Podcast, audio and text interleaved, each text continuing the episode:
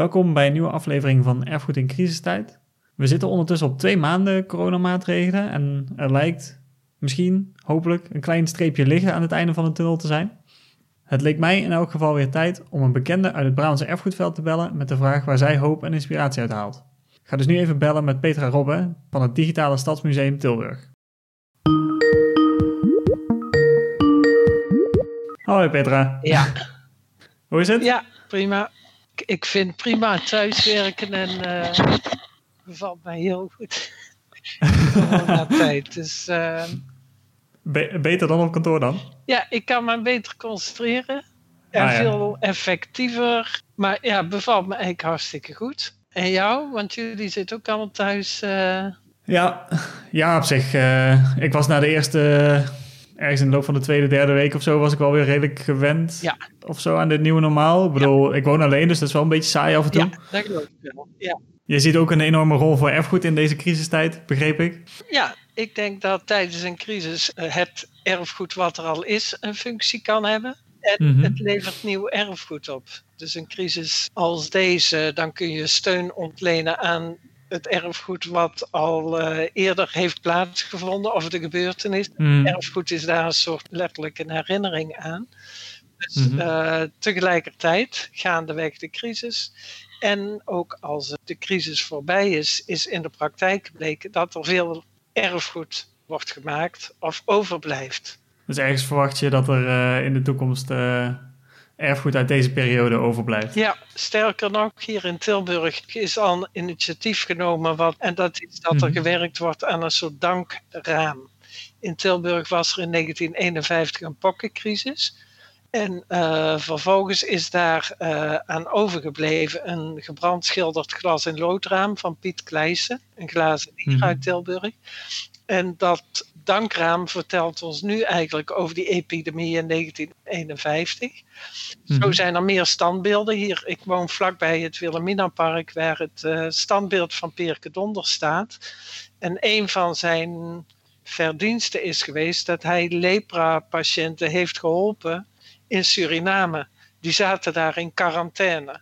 Dus zo'n standbeeld is ook tot stand gekomen omdat hij daar mensen in die lepra-crisis destijds heeft geholpen. En is dat dan ook iets waar je zelf naar kijkt en denkt van, daar heb je nu wat aan in het nu, persoonlijk, zeg maar? Ja, misschien wel. Wij, jij ook. Wij zijn erfgoedprofessionals. Dus Mhm. dan kijk ik ook met een erfgoedblik. Ehm, ik heb de afgelopen periode inderdaad wel gedacht van... oh ja, Eerste Wereldoorlog, Tweede Wereldoorlog. Altijd wordt er een periodisering aangegeven en dan denk je van... dat helpt om te denken van... die oorlogen zijn voorbij gegaan. Die hebben Mhm. vijf jaar geduurd, vier jaar geduurd, maar die hebben een einde gehad. Dus toen ik daarover nadacht, dacht ik van, in ieder geval, iedere crisis geeft een einde. Er komt een einde. Ja, precies. we zitten er nu nog wel in. Ik merk aan mezelf dat ik op nu.nl iedere keer naar die statistieken kijk. dus ik zit Ja. bijna van het web af te kijken, maar dat geeft mij steun van ik zie die grafiek omlaag gaan en ik zie van vandaag of morgen geeft hij het einde aan, zeg maar. Ja, ja, precies. De- de- Dat dingen in het eh, rampen en crisis in de, Ja. in de geschiedenis geëindigd zijn. Ja. Eh, en misschien, dat is misschien nu nog wel extra, omdat deze... Ja, nu, je nu toch, tenminste dat had ik zeker in die eerste weken, dus nu wel een beetje minder. Maar dat je toch een beetje perspectief mist of zo van... oh, over twee weken is dit voorbij, Ja. of over een maand, Ja. of over eh, x. Nou ja, die onzekerheid, daar hoort dus bij crisis. En Mhm. dat mensen, eh, hè, een oorlog, dat achteraf kun je zeggen, 5 mei was het afgelopen. Maar Ja, dat wisten ze in september 1941 ook nog niet natuurlijk. precies. Ik denk een crisis, want je vroeg eh, erfgoed. Nou, wat ik best veel ga doen is hier in Brabant, ik pak graag de fiets. En dan kom ik langs Mhm. een paar kapellen en, eh, van die Maria-kapellen en dan ga ik kaars op zitten steken. Dus dan heb je die troost van het erfgoed, dat ik denk, gelukkig zijn er kapellen, gelukkig zijn er Maria-beelden. Eh, Mhm. Mensen zetten daar bloemen neer, die steken een kaarsje aan. Ja, en onbewust voel je dan van, oké, ik moet wachten op het einde. Daar is ook dan ja, even zo'n zo'n momentje in zo'n kapelletje Mhm. van je fiets afstappen. Dat is ook eh, erfgoed. Even stilstaan bij... Uh... Ja, bij het moment. En ook maar even hangen in het moment. Want ik denk om een mhm. crisis te overleven, dan moet je ook ja, bij wijze van spreken overgeven aan onzekerheid, angst. Nou heb ik zelf persoonlijk ervaar ik geen angst. Dus ja, dan geeft dat erfgoed dat er staat, die kapellen of een, een kerkklok. We hebben hier in uh, Tilburg het initiatief, heeft de klokkengemeenschap. Die zorgt dat iedere woensdagavond de klokken worden geluid, dat er een soort lantaarn is. En die klokken is ook teken van hoop en troost. Mhm. Dus mhm. dat is ook weer erfgoed, auditief erfgoed, wat mensen eigenlijk een uh, hart onder de riem steekt. En sinds enkele dagen is hier in Tilburg op de Heuvelse kerk een hart geprojecteerd met hulp aan de helden. Dus ook helden die horen bij, het, ja, bij crisissen en bij erfgoed. Hoeveel standbeelden hebben we niet van helden in crisistijd? Dus die mhm. helden hebben hun sporen ook niet voor niets gehad. Die hebben ook wel iets gepresteerd in een tijd dat het niet makkelijk was. Anders ben je geen held. Dus helden in oorlogstijd, Pierke Donders als held bij die lepra-patiënten. Dat zijn allemaal uh, voorbeelden van erfgoed dat tijdens de crisis is gevormd. Mhm. Soms niet helemaal onomstreden helden natuurlijk, maar dat uh, is de, het verloop van de tijd. Nou ja, je ziet nu ook wel de werking van de creatie van helden. Dus ik kijk ook mhm. wel naar deze coronacrisis met een soort erfgoedbril. Dat ik denk, aha, zo wordt dus goed en fout gecreëerd. Dan wil ik niet de Tweede Wereldoorlog, dat is, dat is echt niet te vergelijken met deze coronacrisis. Maar de systematiek van helden creëren, zie je ook mhm. nu ontstaan. We noemen mensen die, die op de IC's werken, de doktoren, de verzorg, personeel. Dat noemen we mhm. nu helden. Of mensen die de post rond gaan brengen, daar maken we een soort helden van. Je ziet ook veroordeling. Als je kijkt op Facebook van, uh, oh jee, uh, er waren een aantal uh, idioten in de binnenstad. Of dus goed en mhm. fout. Wie zich houdt aan de norm van Mark Rutte is goed.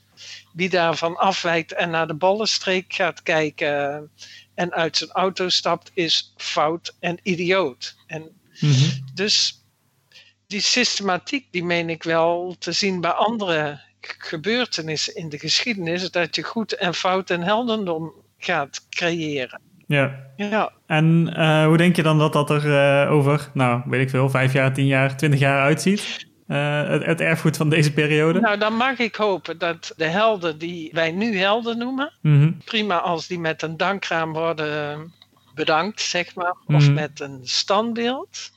Maar liever zou ik een echte waardering, dus niet alleen mhm. in steen, en dat die mensen ook beter betaald of betere werkomstandigheden krijgen als waar zij voor deze crisis om vroegen.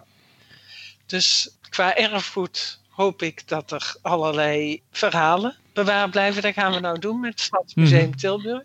We hebben vandaag een soort interviewteam gevormd en we gaan verschillende mensen bevragen op hun beleving van de coronatijd. Oh, tof. Ja, we gaan deze week ook een oproep doen naar mensen die zelf hun verhaal mogen vertellen. In het archief gaan we een actie starten om ook coronadocumentatie te verzamelen. En ik denk dat er in het straatbeeld, of ik zie nu al kunstwerken ontstaan, of kunstenaars die hier in Tilburg, die hebben kunstwerken gemaakt geïnspireerd op corona. Ik hm. denk dat er ook wel uh, lintjes uitgereikt gaan worden. Die vrouw hm. de doventolk op nationale televisie, die doet iedere keer haar best. Dus ik denk dat dit ook weer erfgoed gaat opleveren. Ja, en misschien is dan uh, het, het meest belangrijke erfgoed wat hier hopelijk uitkomt, dat uh, die beroepen een soort van herwaardering krijgen. Ja, ja, wat je bij erfgoed en crisis ook ziet, zijn de namen. Hè? De namen van de overledenen, of in ieder mhm. geval de symboliek van hen die ons ontvallen zijn. Dus ik denk voor degene die uh, mensen dierbaar hebben verloren, is het ook mooi als een of ander ja, gedenkteken waar ze iets mm krans neer kunnen leggen of bloemen of een lichtje kunnen branden. Dus voor de slachtoffers van deze crisis hoop ik zeer zeker ook op ja, een vereeuwigde. Een soort van monumentalisering ja, of zo. Ja, ja. Ja, vereeuwigd is dan inderdaad ook altijd de vraag. Ja. Dat was eigenlijk van hoe eeuwig is eeuwig? Dat kun je ook afvragen. Hè? Van nu zeggen we, we schrijven geschiedenis. Dit vinden wij op dit moment belangrijk. Misschien gebeurt er dadelijk een grotere nationale ramp of internationale ramp. En dan kan het zijn dat deze crisis, ja, dat, Ja, wel naar de achtergrond eh, gaat. Ja, dat Ja. is eigenlijk gebeurd met de watersnood en de Tweede Wereldoorlog in Oost-Brabant eh, bijvoorbeeld. Ja, Ja. ja we, we gaan het zien over eh, tien jaar of zo. Twintig jaar. Ja, dan zal blijken, ook door erfgoed wordt ook wel duidelijk welke impact iets wel of niet heeft gehad. Hè? Mhm. Ja, ja ik, ben, ik ben heel benieuwd eigenlijk. Maar goed, dan moeten we nog maar rustig een hele hoop nachten over slapen voordat we hierop eh, terug kunnen kijken en Ja. eh, kunnen zien wat voor erfgoed eruit is gekomen. Nou, en hopelijk denk, gaat ja, het... in ieder geval digitaal erfgoed. Dat is Ja. natuurlijk wel het verschil. Hè? Met 75 jaar geleden of 100 jaar geleden was de uitdrukking in brons en in steen en Mhm, mhm. Eeuwige materialen. Terwijl nu, ja, hoeveel materiaal blijft er niet digitaal achter? Als een soort residu van de geschiedenis. Ja. ja, inderdaad. Dat is dan misschien de nieuwe vorm eh, die, we erbij, eh, die we erbij krijgen over twintig jaar als we terugkrijgen op de, de coronacrisis. Ja, ja, ja. ja. Heel erg bedankt eh, in elk geval voor jouw eh, ideeën en voor, om, dat je wilde vertellen waar jij nu hoop vandaan haalt. Graag gedaan. Wil je bijdragen aan de initiatieven van het Stadsmuseum en het Regionaal Archief Tilburg die Petra noemde in ons gesprek? Stuur haar dan een mailtje via petra.robben.stadsmuseumtilburg.nl Voor deze aflevering hebben we ook weer twee fragmentjes binnengekregen. Allereerst hoor je Rolf en daarna Iris. Wil je jezelf in de volgende aflevering terug horen? Stuur dan jouw fragmentje over hoe jij hoop of inspiratie haalt uit geschiedenis of erfgoed in via redactie.brabantserfgoed.nl of door een reactie achter te laten op onze social media. Door de maatregelen in de coronacrisis merk ik hoe belangrijk gebruiken en rituelen voor mensen zijn. De zorgverleners met hartjes achter het raam, een hart onder de riem steken, de berenjacht voor kinderen, maar zeker de rituelen die horen bij het afscheid nemen van dierbaren. Ik woon zelf in Meijerijstad, midden in het epicentrum van de coronacrisis in Oost-Brabant. En het aantal overledenen ligt hier volgens de officiële cijfers zes keer hoger dan normaal eh, in deze periode van het jaar. Corona raakt hier echt alle gemeenschappen. En de afgekondigde maatregelen die maken het vervolgens moeilijk om juist nu massaal aanwezig te kunnen zijn bij het afscheid van dierbaren. En daar raakt. En je ziet ook dat mensen die leemte opvullen met allerlei rituelen. Van livestreams en erehagen langs de route van een uitvaart tot het leggen van bloemen. En ik realiseerde me dat mij tussen alle rituelen een oud ritueel het meeste opvalt. Het luiden van de kerkklokken. Hoorden ze in de afgelopen weken bijna dagelijks bij het uitluiden van overledenen. Wel of geen livestream, dat maakt niet uit. Met de klokken krijgt iedereen in het dorp de boodschap mee. En het gebruik van klokken als boodschappers, ja, dat is natuurlijk al heel oud. Vanaf de middeleeuwen worden ze bij allerlei gelegenheden geluid. Denk aan storm of onweer, nationale rouw of vreugde of ehm, om het overlijden van iemand algemeen bekend te maken. Die klokken die hebben als het ware een eigen stem.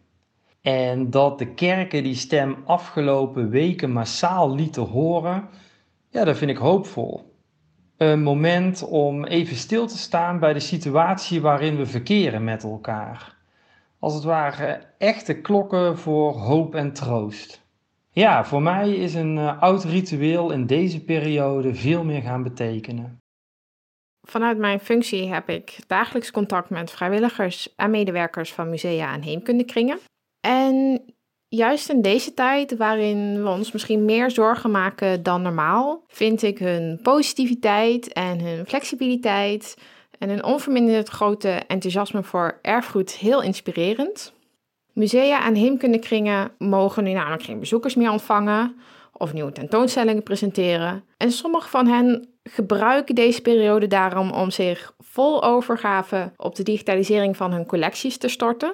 Dus ik bel, mail, videobel en zelfs app wat af om hen advies te geven over hoe ze bijvoorbeeld Memorex Maier moeten gebruiken. Of ik beantwoord vragen over hoe ze hun collecties online kunnen presenteren. En wat me hierin zo raakt, is dat het stuk voor stuk vrolijke gesprekken zijn. Waarin iedereen kijkt naar wat wel kan in plaats van wat niet kan.